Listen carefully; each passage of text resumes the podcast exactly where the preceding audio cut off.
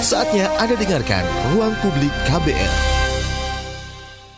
Selamat pagi saudara, kita berjumpa kembali dalam ruang publik KBR dan tema pagi hari ini Presidential Threshold dalam sistem pemilu di Indonesia.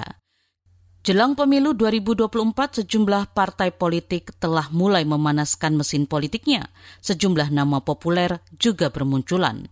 Namun bebarengan dengan itu gejolak terkait sistem pemilu juga muncul, di antaranya mengenai penolakan presidensial threshold atau ambang batas 20 persen. Alasannya jika ambang batas masih tinggi, maka nama-nama tokoh yang memiliki kemampuan dalam memimpin negeri disebut akan gagal diusung. Dan tentu ini akan memunculkan koalisi partai gemuk.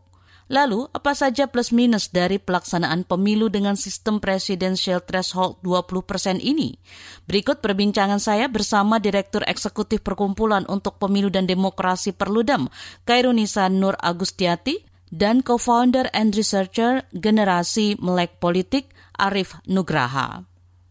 Kita buka perbincangan pagi ini bersama Direktur Eksekutif Perludem, Kairunisa Nur Agustiati. Mbak Kaironisa, riuh pemilu 2024 sudah dimulai, sejumlah nama mulai bermunculan. Bagaimana perlu melihat mulai menghangatnya kontestasi pemilu 2024 ini, Mbak? Ya, uh, jadi memang tahun 2022 ini memang tahun di mana tahapan pemilu 2024 akan dimulai ya. Jadi kalau di Undang-Undang Pemilu itu memang disebutkan uh, tahapan pemilu itu dimulai 20 bulan sebelum hari H. Jadi kalau hari hanya 2024 kan 20 bulannya jatuh di tahun ini gitu ya, di tahun 2022 ini. Jadi uh, mulai nanti tahapan pemilunya gitu ya, lalu pendaftaran partai politik peserta pemilu itu memang uh, sudah akan dimulai di tahun ini gitu. Jadi boleh dikatakan tahun politiknya uh, dimulainya di tahun 2022 ini gitu ya, karena nanti ada tahap beberapa tahapan-tahapan krusial ya seperti tadi pendaftaran gitu ya, lalu nanti uh, baik itu pendaftaran partai politik peserta pemilu, pendaftaran caleg gitu ya, itu uh, akan dimulai di tahun ini gitu. Tapi memang kalau untuk uh, pilpresnya pendaftaran itu sebetulnya baru akan dimulai uh, 8 bulan sebelum hari H, artinya di tahun 2023 kalau untuk pendaftaran uh, pilpresnya. Tapi memang tidak bisa dipungkiri ya karena kan uh, pendaftaran uh, calon pasangan presiden apa pasangan calon presiden dan wakil presiden itu kan diusung oleh partai politik atau gabungan partai politik. Jadi biasanya komunikasi-komunikasi antar partai politik tentu juga sudah dimulai di tahun ini, kira-kira gitu. Bahkan beberapa partai juga sudah mulai memunculkan atau menjagokan nama calon begitu ya Mbak ya. Tetapi ya, ini akan ya. sulit terwujud jika tidak populer. Atau memang sebenarnya tidak terlalu penting kepopuleran selama diusung partai dengan uh, suara mayoritas, Mbak? Ya, saya rasa partai politik pasti uh, berhitung ya, berhitung uh, apa kan tentu uh, apa hasil survei dari sejumlah uh, lembaga survei tentu saya rasa dijadikan referensi oleh partai politik ya, karena uh, ya pasti berhitung lah ya yang namanya pilpres ini kan kompetisi kalau misalnya kita bicara dari apa dana yang dikeluarkan kan besar tentu setiap partai politik ketika dia apa berkompetisi inginnya kan menang gitu ya jadi uh, apa selain oke okay, katakanlah ada satu partai yang mungkin dikatakan bisa mencalonkan sendiri pasangan calonnya, tapi pasti dia juga akan memperhitungkan popularitasnya gitu ya, popularitas elektabilitas dari si calon yang akan diusung ini gitu. Jadi betul-betul uh, berhitung ya apalagi 2024 ini kan nanti uh, baru ya uh, incumbent kan tidak bisa maju lagi ya karena berdasarkan konstitusi kan uh, apa presiden hanya bisa dua kali gitu. Jadi pasti uh, apa calonnya baru uh, ya pasti akan partai politik saya rasa sekarang uh, apa ya mungkin tokoh yang akan diusung uh, mungkin popularitasnya belum naik. Sekarang saya rasa sedang berupaya untuk bagaimana caranya ya mempertimbangkan menaikkan popularitas itu kan. Karena misalnya kita lihat sudah banyak nih yang muncul ya misalnya dari baliho, spanduk dan sebagainya. Saya rasa itu bagian dari strategi uh, nya partai gitu ya untuk tidaknya mengenalkan dulu nih bahwa ada calon-calon uh, ini yang kemungkinan akan uh, ikut bertarung dalam pemilu 2024 nanti. Tadi Mbak Kairunisa sempat menyinggung hasil-hasil survei begitu ya Mbak. Ya sebenarnya sebesar apa hasil-hasil survei ini menggambarkan sebenarnya keadaan sebenarnya di masyarakat Mbak? Yang namanya survei kan pasti ada apa ya uh, apa ya marginnya gitu ya mungkin tidak betul menggambarkan makanya itu sebetulnya ini tapi bisa jadi gambaran umum lah ya gambaran umum gambaran umum uh, kondisi saat ini gitu ya kan biasanya kalau survei kan uh, apa yang ditanya kalau sekarang pilpresnya kira-kira siapa yang dipilih gitu nah uh, gambaran saat ini. Nah, ini yang kemudian dijadikan uh, referensi bagi, par bagi partai untuk uh, strategi ke depannya seperti apa gitu ya. Itu yang saya rasa uh, apa yang nantinya akan dilakukan oleh partai gitu. Jadi uh, strategi menuju 2024-nya itu yang akan digunakan partai berdas apa merujuk pada hasil survei ini gitu ya. Jadi misalnya hasil surveinya misalnya katakanlah sudah cukup tinggi gitu. Nah, bagaimana bisa mempertahankan itu atau misalnya dianggap belum cukup tinggi, nah itu tuh bagaimana partai akan um, karena menggenjotnya gitu ya. Misalnya uh, dari hasil survei dilihat dari wilayah mana yang kira-kira kurang, mungkin di situ nanti partai akan lebih banyak bergerak. Jadi kira-kira seperti itu. Juga nama-nama yang muncul kan ada yang uh, kader partai, ada juga nama-nama yang bukan kader partai ya Mbak ya. Sebenarnya kalau perlu melihat uh, seperti apa partai-partai politik di Indonesia ini dalam melakukan kaderisasi anggota-anggotanya untuk bisa dimajukan menjadi uh, uh, calon presiden ataupun wakil presiden Mbak. Ya sebetulnya kalau kita bicara kaderisasi ini salah satu tantangan partai politik kita ya karena uh, salah satu yang apa ya salah satu yang uh, dianggap partai politik kita tuh belum apa ya belum jadi partai politik yang modern atau misalnya belum terlembaga dengan baik salah satunya karena ada tantangan kaderisasi. Kenapa kaderisasi ini menjadi tantangan karena uh, apa ya uh, untuk melakukan kaderisasi ini kan tentu butuh sumber daya gitu ya sumber daya yang uh, luar biasa harus dikeluarkan oleh partai politik sementara partai politik mungkin punya tantangan uh, apa terkait dengan uh, apa pendanaannya gitu ya untuk melakukan kaderisasi ini.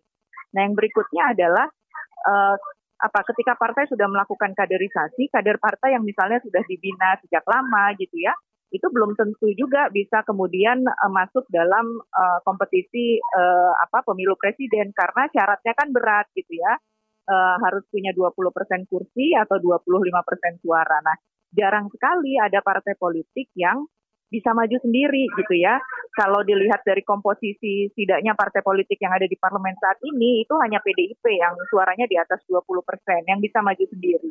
Tapi yang lainnya mau tidak mau harus bergabung gitu ya. Kalau bergabung itu kan artinya ya bisa saja mengusung kadernya partai orang lain gitu ya. Nah ini memang tantangannya gitu. Jadi ibarat kata sudah sudah berupaya nih punya kader tapi ya ternyata sulit juga gitu ya uh, untuk bisa uh, berkompetisi karena ada syarat yang berat tadi gitu. Jadi uh, terkadang ya apa kader-kader partai itu justru nggak muncul di pilpres karena misalnya uh, kan yang namanya kalau bergabung partai politik itu ya koalisi partai itu koalisi pencalonan ya tentu ya bersepakat di antara para, para partai politik ini kan gitu ya. Dipilih misalnya mana yang kira-kira tadi ya balik lagi.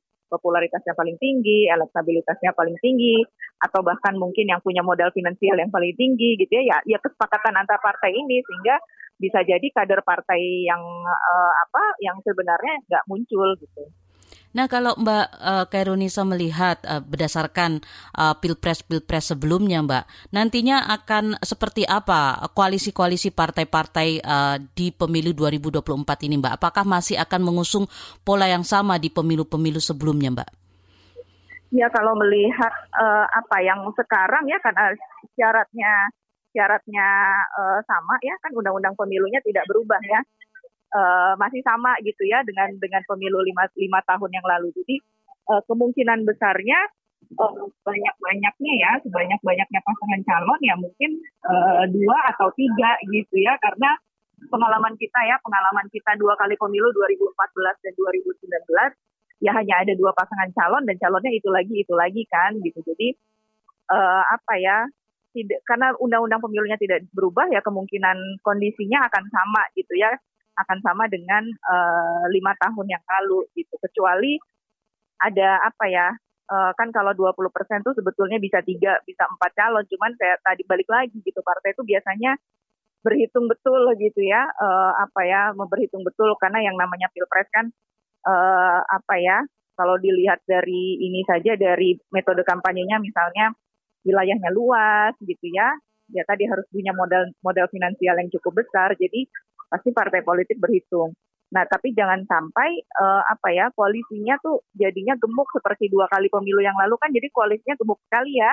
Uh, setiap apa ya karena ada dua kan dua jadi bisa dikatakan 50 persen 50 persen. Nah ini yang akhirnya masyarakat nggak muncul nu calon calon calon alternatif yang mungkin bisa jadi pilihannya rakyat kira-kira gitu. Jadi salah satu dampak dari uh, sistem presidential threshold yang 20% itu adalah tidak munculnya nama-nama baru atau bahkan pemimpin-pemimpin muda mungkin salah satu dampaknya begitu Mbak. Ya kira-kira seperti itu uh, Mbak. Karena ya tadi ya sulit gitu ya, sulit sekali untuk bisa mencalonkan ya kan sebetulnya kal, uh, apa pilkada kan juga sama ya, pilkada kita kan juga sama, syaratnya sama sama beratnya gitu ya. Kalau di pilkada bahkan ekstrim calonnya tunggal gitu ya, saking saking koalisnya sangat gemuk gitu. Jadi, nah tapi kan tentu kita tidak ingin terjadi uh, hal ini di, di pilpres gitu ya. Dan uh, tadi sulit kader partai itu sulit, dia sudah punya kader, tapi ya karena syaratnya berat, akhirnya harus mengusung apa kadernya orang lain gitu ya, kader partainya orang lain. Jadi nggak muncul. Jadi walaupun misalnya tadi ya dalam dalam bursa-bursa survei misalnya muncul sejumlah nama gitu ya kan banyak ya misalnya nama apa kepala daerah saat ini gitu ya tapi ya sulit gitu apalagi kalau misalnya kepala daerahnya kepala daerah yang muncul namanya dalam survei itu tidak punya kendaraan partai gitu jadi uh, itu yang menjadi salah satu tantangannya dengan adanya apa uh, ambang batas pencalonan presiden ini. Tapi apakah kalau menurut Perludem, sistem presidential threshold dengan 20% ini masih relevan untuk saat ini, Mbak? Ya, kalau menurut kami memang sebaiknya tidak ada ya, uh, dihilangkan saja karena kita kan uh, apa kita kan pemilunya serentak ya berbarengan antara pileg dan pilpresnya gitu. Jadi seharusnya uh, ya tidak hasil pemilu uh, DPR itu tidak menjadi rujukan untuk pencalonan di pilpresnya. Apalagi hasil rujukannya pemilu lima tahun yang lalu gitu ya. Pemilu lima tahun yang lalu kan kondisinya sudah berbeda. Uh, pemilihnya beda lima tahun yang lalu pemilihnya beda gitu ya. Uh, proses kondisi politiknya juga berbeda. Lalu kemudian kita kan menggunakan apa pemerintahan kita kan uh, presidensial gitu ya yang masing-masing ini tuh dipilih rakyat antara presiden dan DPR tuh dipilih rakyat. Beda dengan parlementer hasil pemil, pemenang pemilu legislatif membentuk pemerintahan kita kan tidak seperti itu gitu ya. Jadi memang sebaiknya tidak ada apalagi sebetulnya di uh, konstitusi kita di undang-undang dasar tidak ada tuh uh, ketentuan soal adanya ambang batas minimal pencalonan itu gitu. Jadi uh, apa ya tidak relevan lah ya adanya uh, ketentuan soal apa syarat minimal pencalonan. Tapi menurut uh, Perludem apakah tetap dibutuhkan uh, semacam mekanisme untuk me, apa namanya menseleksi para calon yang bisa maju di pilpres atau pilkada, Mbak, selain dengan uh, apa namanya ambang batas pencalonan ini, Mbak? Iya, kan kalau di konstitusi itu kan disebutkan untuk bisa mencalonkan dalam pilpres itu harus uh, dari partai politik atau gabungan partai politik. Nah, partai politik peserta pemilu kita itu sudah uh, sudah apa? Sudah melalui sejumlah uh, apa ya? Sudah melalui sejumlah proses untuk bisa jadi partai politik peserta pemilu. Jadi uh, dan syaratnya pun berat gitu ya untuk bisa jadi partai politik peserta pemilu. Jadi sebetulnya partai kita tuh sudah apa apa menjalani sekian proses penyaringan gitu ya sehingga seharusnya ya partai politik ini kan sudah bisa dikatakan layak untuk bisa mencalonkan kadernya dalam pilpres gitu. Jadi uh, apa ya tidak perlu ada lagi misalnya dengan syarat uh, minimal lagi gitu ya syarat minimal pencalonan lagi karena uh, ya tadi ya tidak relevan apalagi kita pemilunya kan uh, serentak gitu ya. Uh, partai politik ini tadi uh, apa sebelum jadi partai politik peserta pemilu itu syaratnya berat jadi kan sudah artinya kan sudah tersaring lah ya partai ini sudah tersaring, kader-kader partainya juga sudah bisa, dikatakan tersaring, jadi seharusnya tidak ada lagi uh, apa uh, apa ya saringan lagi gitu ya untuk bisa mencalonkan di pilpres ini.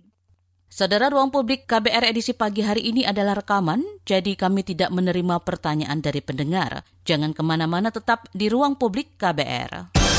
Masih Anda dengarkan Ruang Publik KBR. Commercial break. Commercial break.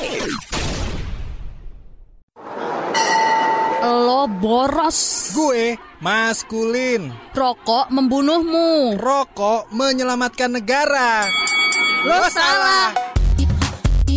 Perdebatan yang sengit antar keduanya tidak pernah selesai dari zaman kereta roda 3 sampai kereta listrik. Dan inilah debat sebat membahas fakta dan mitos yang ada di balik sebungkus rokok.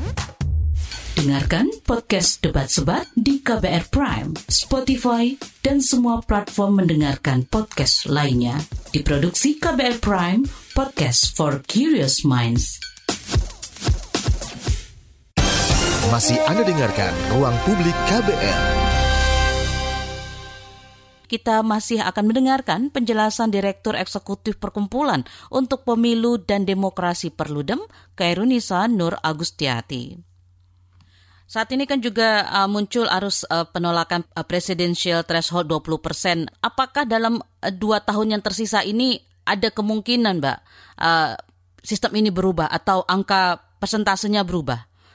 Ya, saat ini kan memang uh, apa ya pemerintah dan DPR sebetulnya sudah bersepakat tidak merevisi undang-undang pemilu ya. Jadi kalau dari sisi perubahan mungkin tidak berubah kecuali uh, apa per, ada kan sekarang ada permohonan di Mahkamah Konstitusi ya, uh, ada sekitar tiga permohonan di Mahkamah Konstitusi terkait dengan ketentuan ini. Uh, apa kecuali itu dikabulkan oleh MK. Kalau MK mengabulkan permohonan-permohonan uh, terkait dengan uh, apa syarat pencalonan ini, maka bisa saja situasinya berubah gitu ya. Nah sebetulnya uh, apa ya uh, Perludem sendiri dulu pernah juga melakukan uji materi di Mahkamah Konstitusi. Jadi uh, mungkin sekarang sudah ada total mungkin sekitar 14-an gugatan gitu ya terkait dengan uh, apa. Nah mudah-mudahan saja uh, apa ya MK bisa melihat bahwa dengan berulang kalinya pasal ini digugat gitu ya artinya kan menunjukkan ya mungkin ada masalah gitu ya dengan pasal ini gitu. Jadi kalau itu dikabulkan oleh Mahkamah Konstitusi tentu bisa saja uh, petanya jadi berubah lagi kira-kira gitu. Jadi masih ada kemungkinan uh, akan berubah, Mbak? Ya kemungkinannya ya melalui Mahkamah Konstitusi itu ya. Uh, kalau MK mengabulkan ya uh, apa bisa saja itu uh, apa berubah. Maka ketika uh, itu berubah, persentasenya berubah dan mungkin diturunkan, apakah itu akan membawa perubahan besar, Mbak? Saya rasa iya ya, karena uh, apa partai politik tadi kan mereka tuh sebetulnya sudah menyiapkan kadernya ya, kader-kadernya dipersiapkan gitu ya, dengan dengan misalnya ya, misalnya nanti ini dikabulkan oleh MK, kemudian uh, syarat pencalonan ini jadi tidak ada gitu ya, tentu saya rasa partai politik uh, apa ya bisa mencalonkan kadernya sendiri. Walaupun tetap kembali lagi partai politik itu pasti berhitung. Karena uh, walaupun misalnya ya ambang batasnya jadi nol gitu ya tetap uh, apa tetap berhitung gitu ya dan tetap saja mungkin ada partai politik yang tidak mencalonkan kadernya gitu ya. Karena tadi ya mempertimbangkan biaya logistik dan sebagainya. Atau juga bisa juga tetap ada bergabung dengan partai politik lain tapi setidaknya ada kesempatan bagi partai untuk me, apa ya mencalon mengusung kadernya sendiri gitu ya tidak harus mengusung kadernya orang lain kira-kira gitu.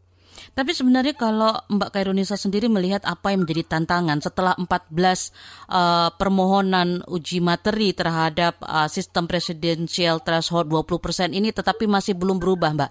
Apa kira-kira yang menjadi tantangan kenapa ini sulit sekali kayaknya untuk diubah begitu? Iya, uh, kalau dari sisi pembuat undang-undang tentu partai politik uh, apa ya, uh, ya mungkin merasa nyaman ya, nyaman. Apalagi mungkin partai politik yang besar gitu ya, yang merasa sudah punya suara besar mungkin merasa nyaman uh, bisa mencalonkan sendiri gitu ya, tidak harus berkoalisi gitu. Dan kemudian tantangan berikutnya adalah ya memang dia apa ya dari perspektifnya hakim konstitusi itu ya kalau dari sisi permohonan yang di MK karena sebetulnya di MK sendiri suara hakim itu tidak bulat ketika memutuskan untuk menolak uh, adanya uh, apa gugatan ini. Karena ada dua hakim yang sebetulnya setuju tidak ada ambang batas pencalonan presiden ini.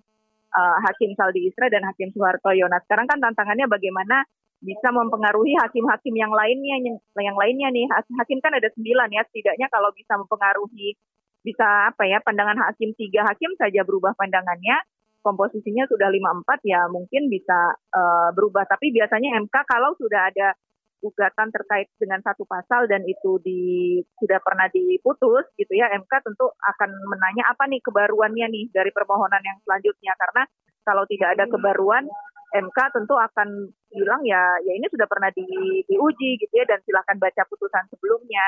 Jadi mudah-mudahan sih dari tiga pemohon yang baru ini bisa menunjukkan apa nih kebaruan dari uh, apa yang mau mereka minta di permohonan terkait ambang batas pencalonan presiden ini. Mbak Keronisa kita juga melihat gelaran pemilu 2014 dan 2019 kan meninggalkan banyak persoalan ya Mbak ya seperti polarisasi hingga konflik. Nah bagaimana dengan prediksi Perludem untuk uh, pemilu 2024 nanti Mbak? Ya, saya rasa uh, apa ya uh, ini memang perlu ada dialog sebetulnya ya terkait dengan polarisasi ini karena kita kan merasakan ya dampak pemilu 2019 tuh polaris polarisasinya bahkan sampai saat ini gitu ya. Mungkin yang di elit-elitnya sudah bersatu gitu ya, uh, apa uh, mantan penantang dalam pemilu 2014 kan sekarang sudah tergabung dalam koalisi yang sama gitu ya, sudah sudah jadi menteri juga. Cuman kan di yang di masyarakat yang di bawah ini mungkin belum dikatakan mungkin belum masih merasa apa ya ada keterbelahan itu gitu. Jadi uh, peran media sosial saya rasa sangat uh, apa ya sangat apa ya uh, cukup cukup besar gitu ya dalam dalam pemilu kita karena kalau melihat uh, apa melihat pengalaman 2014 2019 yang lalu kan sebetulnya banyaknya disinformasi di media sosial itu yang menyebabkan salah satu adanya polarisasi di masyarakat gitu ya. Jadi uh, sebetulnya ruang-ruang di media sosial ketika di satu sisi kita bisa mendapatkan berita yang cepat, uh, apa dengan cepat, dengan mudah gitu, tapi di sisi lain itu dijadikan dijadikan apa? Dijadikan cara untuk uh, melakukan kampanye-kampanye negatif gitu ya, kampanye-kampanye hitam oleh para calon. Nah ini yang harus dipersiapkan di pemilu 2024. Misalnya kita punya Bawaslu, Badan Pengawas Pemilu yang mungkin sekarang harus bisa punya strategi lebih uh, ini lagi lebih progresif lagi dalam menghadapi kampanye pemilu di dua kampanye pemilu khususnya kampanye di media sosial gitu ya. Jadi mungkin pendekatannya tidak tidak bisa lagi misalnya secara konvensional gitu ya harus punya uh, strategi lah. Uh, misalnya ada disinformasi seperti apa uh, mungkin bekerja sama dengan platform media sosial gitu. Karena uh, apa ya dampaknya besar sekali dan uh, apa kalau kita bicara disinformasi hoax itu bukan lagi menyerang antar peserta pemilu tapi juga ke penyelenggaraan pemilunya gitu ya. Uh, itu juga mulai karena kan kalau kemudian orang percaya dengan disinformasi akhirnya uh, apa bisa mendelegitimasi proses dan hasil pemilu itu sendiri. Jadi uh, dan para calon pun juga punya tanggung jawab ya ketika melakukan kampanye gitu ya. Jangan sampai menggunakan politik identitas gitu ya, politik agama sebagai komoditas untuk uh, meraih suara gitu ya, karena dampaknya tuh besar sekali di masyarakat. Mungkin kira-kira seperti itu, Mbak. Tapi apakah eh, Mbak Kairunisa sudah melihat hal seperti ini sudah mulai terjadi atau mungkin kalau bisa dicegah maka uh, sudah ada nampak langkah-langkah ke arah sana, Mbak? Ya, saya rasa uh, apa uh, eh, KPU ya KPU Bawaslu penyelenggara pemilu sudah apa ya sudah berupaya untuk me, apa ya mencoba mengisi kekosongan hukum gitu ya terkait dengan uh, apa ya misalnya tadi ya kampanye di media sosial untuk mencegah polarisasi di masyarakat itu.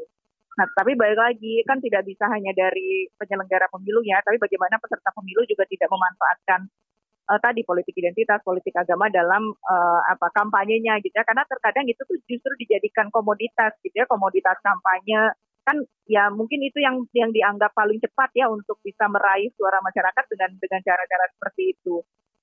Nah, bagaimana nih partai politik uh, mungkin juga perlu dibangun kode, kode etik gitu ya, misalnya kode etik antara peserta pemilu, penyelenggara pemilu, media, platform media sosial gitu ya untuk mencegah uh, polarisasi ini dan dari pemerintah sendiri juga membuka dialog gitu ya, membuka dialog ke, ke masyarakat gitu ya, ke peserta pemilu supaya tidak ya bisa mencegah lah ya, mencegah pola karena 2024 pemilunya pemilu besar ya, karena bukan hanya ada pileg, pilpres, tapi juga akan pilkada di tahun yang sama gitu ya. Jadi uh, tahun politik yang mungkin sangat panas mungkin ya nanti 2024 jadi harus bisa diantisipasi sejak sekarang. Uh, dari 2020 kita uh, dan dunia juga kan mengalami pandemi COVID-19 begitu ya Mbak ya. Nah, uh, selain mempengaruhi mungkin sistem sosialisasi dan kampanye nantinya apakah pandemi ini juga membawa pengaruh lain terhadap uh, pemilu yang akan terjadi pada 2024 nanti Mbak? Iya tentu akan sangat uh, masih berpengaruh. Kan kita tidak tahu ya 2024 nanti kondisinya seperti apa ya. Apakah uh, apa pandeminya masih uh, seperti ini gitu ya. Seperti apa kita tidak tidak kita tidak tahu. Tapi dari pengalaman pilkada 2020 lalu yang itu di tengah situasi pandemi uh, saya rasa uh, apa ya kita jadi belajar ya belajar bagaimana menyelenggarakan pemilu di tengah situasi pandemi gitu ya tentu tidak mudah, tentu tidak murah gitu ya, karena misalnya harus ada tambahan apa uh, tempat cuci tangan di tempat cuci tangan di TPS, uh, eh, termometer dan sebagainya gitu ya. Uh, dan juga mungkin juga dari para calon juga sudah beradaptasi dengan kampanye secara virtual gitu. Tapi nah tapi masih memang masih ada kekosongan tadi di situ. Bagaimana nih pengaturannya gitu ya supaya tidak melanggar gitu ya pengaturan kampanye di media sosial. Misalnya apa pengaturan soal kampanye secara online. Nah ini yang seharusnya nantinya gitu ya KPU ataupun Bawaslu punya uh, apa strateginya gitu ya uh, karena undang-undang pemilunya tidak diubah, undang-undang pemilu pilkadanya tidak diubah. Sementara ini dua undang-undang ini tuh mengatur pemilu dan pilkada dalam situasi yang normal bukan dalam situasi pilkada. Uh, apakah sudah ada uh, apa namanya upaya atau rencana KPU atau Bawaslu untuk mengeluarkan aturan terutama untuk berkampanye lewat sosial media ini, Mbak? Nah, saya rasa ada ya, karena KPU sekarang memang sedang bersiap untuk membuat uh, apa tahapan peraturan KPU terkait tahapan pemilu ya, semua ya uh, apa terkait kampanyenya gitu ya, mungkin akan ada yang direvisi, akan ada yang diperbarui. Uh, itu saya rasa uh, harus menjadi salah satu hal yang menjadi perhatiannya uh, KPU dan juga Bawaslu gitu ya, mengatur bagaimana kampanye di media sosial misalnya, supaya lebih supaya lebih ini lagi ya, supaya lebih tidak kan sekarang tuh ya kalau media sosial tuh semacam apa ya hutan belantara sulit sekali gitu ya mau mau mengawasinya. Nah ini harusnya bisa menjadi pembelajaran ya pengalaman-pengalaman sebelumnya dari KPU untuk bisa mengatur lebih lebih uh, detail lagi gitu ya. Karena selama ini yang diatur di PKPU itu hanya jumlah akunnya. Jadi misalnya uh, jumlah akun yang didaftarkan tidak boleh lebih dari 20. Kan masalahnya bukan pada jumlah akunnya, tapi pada kontennya gitu ya. Bisa, bisa saja misalnya dia daftar 20 akun, satu bermasalah ditutup kan bisa saja bermunculan akun-akun yang lainnya gitu ya. Belum lagi apa soal uh, apa akun-akun yang tidak resminya gitu. Nah itu kan lebih ke kontennya sebetulnya yang perlu diatur bukan dari sisi jumlah akunnya kira-kira gitu. Kami ingatkan kembali kalau ruang publik KBR edisi hari ini adalah rekaman jadi kami tidak bisa menerima pertanyaan dari pendengar. Jangan ke mana-mana. Masih Anda dengarkan ruang publik KBR Terima kasih saudara untuk Anda yang masih setia mendengarkan ruang publik dari KBR edisi hari ini dengan tema Presidential Threshold dalam Sistem Pemilu di Indonesia. Kali ini kita akan menyimak perbincangan saya bersama co-founder and researcher Generasi Melek Politik Arif Nugraha. Mas Arief, kontestasi untuk pemilu 2024 sudah mulai menghangat ya. Bagaimana pengamatan generasi melek politik soal sudah munculnya beberapa nama eh, saat ini? Eh, apakah eh, sudah ada yang teman-teman lihat mulai menguat, Mas? Seperti apa? Boleh dijelaskan? Ya, kalau yang generasi milik politik lihat uh, masih ada campuran ya, ada nama-nama lama, nama-nama yang itu itu lagi, sama udah muncul mulai nama-nama baru gitu. Kalau mana yang paling kuat saat ini sih, uh, saya belum belum bisa ngomong ya, karena uh, masih belakangan lagi dan konsultasi politik apa uh, politik kan masih berjalan langsung, lobby-lobbynya juga, uh, jadi belum belum tentu nama-nama yang sekarang nanti akan jadi maju di 2024 gitu. Jadi masih terlalu dini untuk lihat mana yang paling kuat. Tapi uh, walaupun begitu pola yang sama apakah terlihat uh, di pemilu-pemilu sebelumnya terkait dengan nama-nama yang muncul ini Mas, sosok-sosok yang muncul ini? Uh, polanya mulai kelihatan oke, okay. ada beberapa tokoh sekarang yang menggunakan cara-caranya Pak Jokowi gitu ya, itu dengan mensosialisasikan bahwa mereka dekat dekat dengan rakyat gitu. Kayak uh, beberapa kita lihat ada Pak Erick Thohir ada Pak Ganjar Pranowo juga. Uh, uh, polanya sama kayak Pak Jokowi kemarin kita mau menuju 2014 2019 uh, itu nama-nama baru. Nah, kalau nama-nama lamanya juga ya nama-nama biasa biasanya ketua-ketua partai gitu ya. Uh, Pak Prabowo Pak Erlangga Hartarto. Uh, siapa uh, Agus Yudhoyono juga sekarang ketua partai. Jadi antara nama-nama yang populer sama nama-nama ketua partai, kita mesti lihat pola yang sama sih. Juga kan eh, ya seperti tadi Mas Arief sudah katakan juga uh, belum tentu nama-nama yang muncul sekarang itu yang nanti akan menjadi calon begitu ya.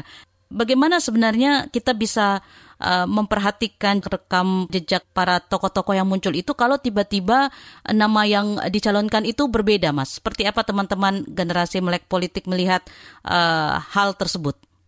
Oh, untuk melihat jejak rekamnya, generasi melek politik selalu melihat untuk uh, dampaknya, uh, dampak apa sudah uh, tokoh tersebut berbuat gitu di jabatan sebelumnya karena jangan sampai kalau dari generasi melek politisi selalu bilang jangan sampai uh, teman-teman terutama anak muda itu uh, terbuai gitu ya dengan uh, gimmick-gimmick politik gitu uh, jadi kita harus lihat sebenarnya kebijakan apa yang mereka tawarkan dan bagaimana mereka melakukannya terus apakah mereka berhasil misalnya janji kampanye gitu ya nanti pas 2024 apakah janji dia itu bisa menyelesaikan masalah yang ada sekarang nggak sih gitu.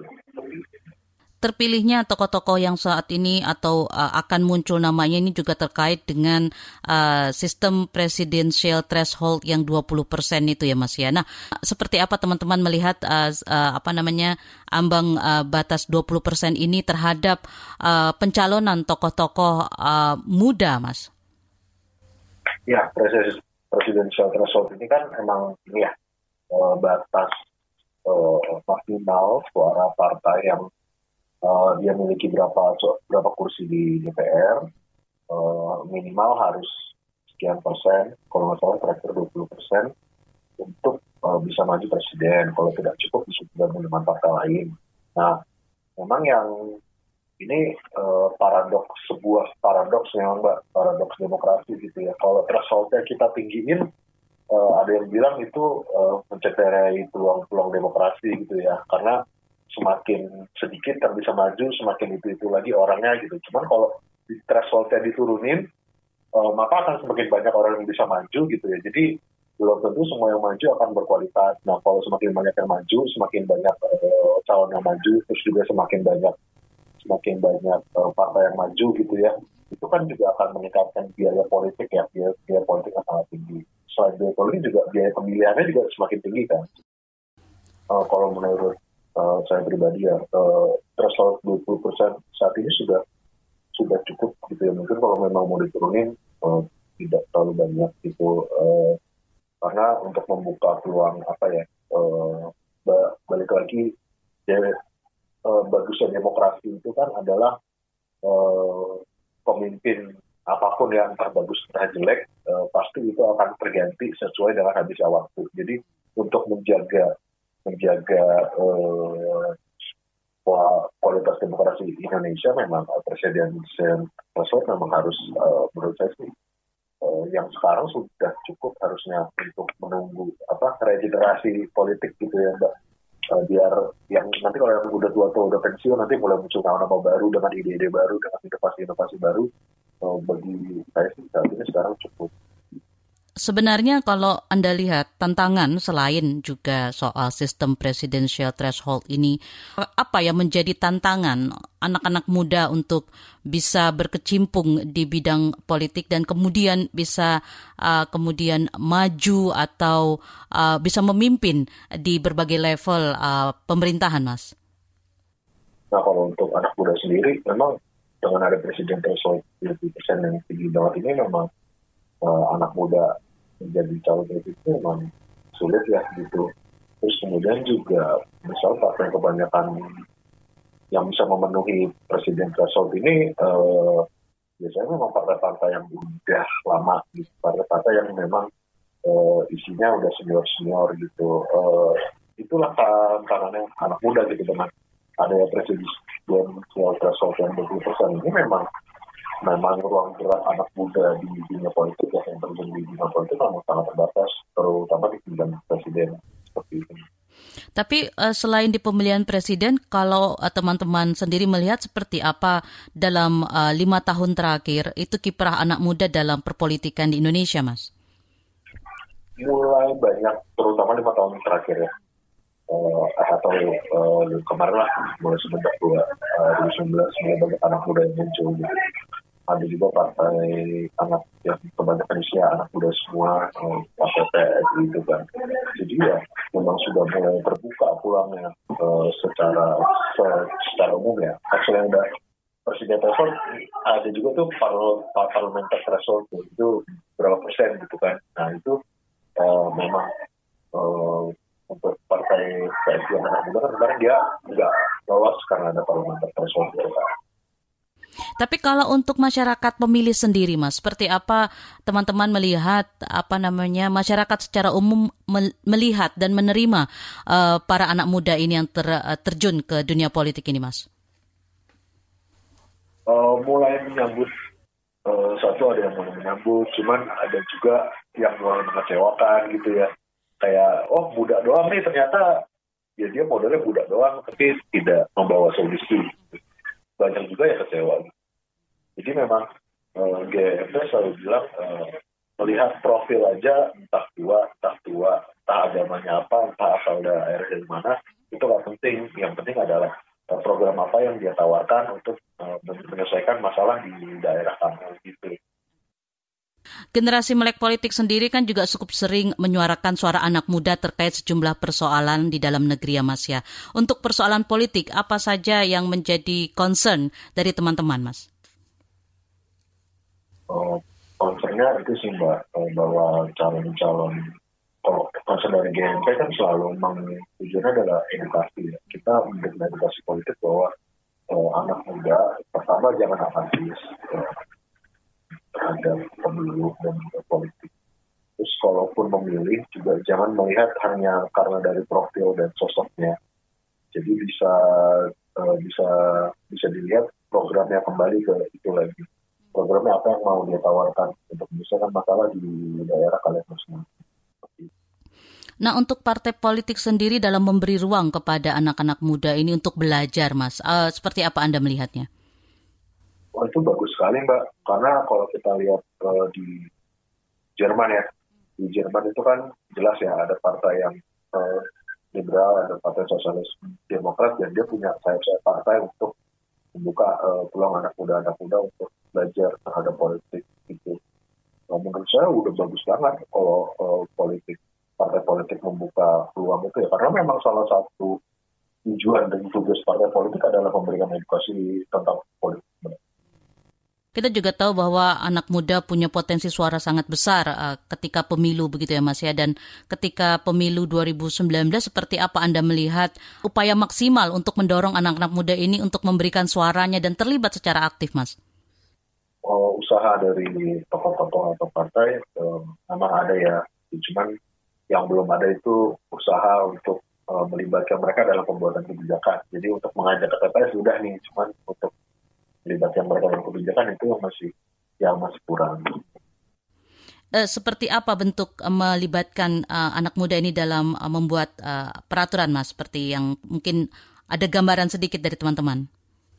Oke, okay, kalau gambaran dari saya, uh, kita terakhir itu bikin acara di Siap, ketemu sama wakil bupatinya Siap. Nah, kalau di sana memang ada wadah anak muda gitu ya, namanya saya dari siap gitu. Jadi uh, ada wadahnya untuk anak-anak muda di sana, uh, di mana di sana anak muda bisa bersuara dan disambut oleh pemerintah daerah di sana.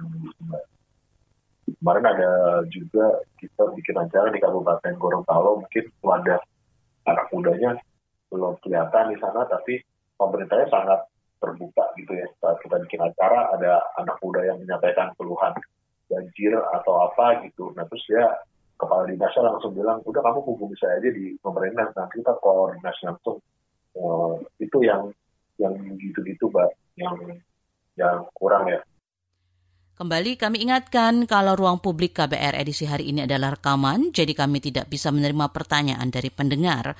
Tetaplah bersama kami. Masih Anda dengarkan Ruang Publik KBR. Commercial break. Commercial break. Sudah tahu yang satu ini. Sekarang kabar baru ada di playlist teman perjalananmu. Kamu masih bisa update dengar berita terbaru sambil dengerin lagu kesukaanmu. Semua bisa kamu dengerin di playlist Daily Drive Spotify. Masih Anda dengarkan Ruang Publik KBR. Kita tiba di bagian akhir ruang publik KBR edisi hari ini dengan tema Presidential Threshold dalam Sistem Pemilu di Indonesia. Pada segmen ini kita akan menyimak penjelasan co-founder and researcher Generasi Melek Politik Arif Nugraha. Uh, dua tahun terakhir ini kan kita mengalami pandemi, otomatis juga uh, apa namanya mobilitas kita kerumunan itu dibatasi ya Mas Arif ya. Nah untuk pemilu 2024 nanti tentunya akan uh, melibatkan juga kampanye-kampanye lewat online. Nah, seperti apa Anda melihat uh, peluang anak muda untuk yang sangat dekat dengan sosial media, sangat dekat dengan teknologi untuk dilibatkan uh, dalam uh, kampanye uh, partai politik nantinya, Mas? Ya mulai sekarang sih banyak uh, Instagram kita udah masuk ke sana itu partai juga ada partai gitu. cuman ya uh, anak muda pasti terlihat gitu ya mana yang uh, ajakannya bagus mana yang enggak. Karena saya melihat kemarin ada partai isinya uh, kader-kader mudanya cewek joget-joget udah gitu aja gitu. Itu kan nanti semakin ke sini kan semakin kritis ya mbak ya. Jadi ya, ya anak muda paling ya apa kalau juga-juga dong apa yang lu tawarin buat saya tuh apa tapi sebenarnya kalau Anda melihat sendiri, Anda juga memantau itu sebenarnya program-program selain melibatkan anak muda, program-program yang ditawarkan uh, para calon pemimpin ini untuk anak muda seperti apa, Mas? Hmm, kalau pengalaman GMP sendiri ya, uh, kemarin tuh kita habis bikin ketemu sama pemimpin yang pemimpin daerah yang udah kepilih di tiga kabupaten di lima di lima daerah gitu. Mereka mereka tuh punya program gitu cuma emang kurang kedengeran gitu ya. Mungkin ada program yang spesifik untuk anak muda ada gitu itu memang masih dikit sih. Cuma ada program yang tidak spesifik untuk anak muda tapi dampaknya itu bagus buat anak muda misalnya buat uh, lingkungan mengatasi banyak uh, gitu itu banyak gitu. Cuman uh, balik lagi uh, tidak ketemu di tengah nih mbak gitu. Kayak sebenarnya pemerintahnya punya programnya tapi anak mudanya nggak tahu gitu atau ada daerah yang anak mudanya kritis tapi uh, merasa tidak tidak ada wadah untuk bicaranya dan untuk bicaranya. Kemudian apakah uh, generasi melek politik juga melihat uh, hal tersebut dan melakukan uh, aksi selain juga kemudian tadi sudah diceritakan uh, di Riau, uh, di Siak dan di Gorontalo. Bagaimana dengan daerah-daerah lain, Mas? Uh, ya GMP kan masih organisasi kecil masih terbatas. Jadi kemarin kita baru bikin di lima daerah aja, Mbak.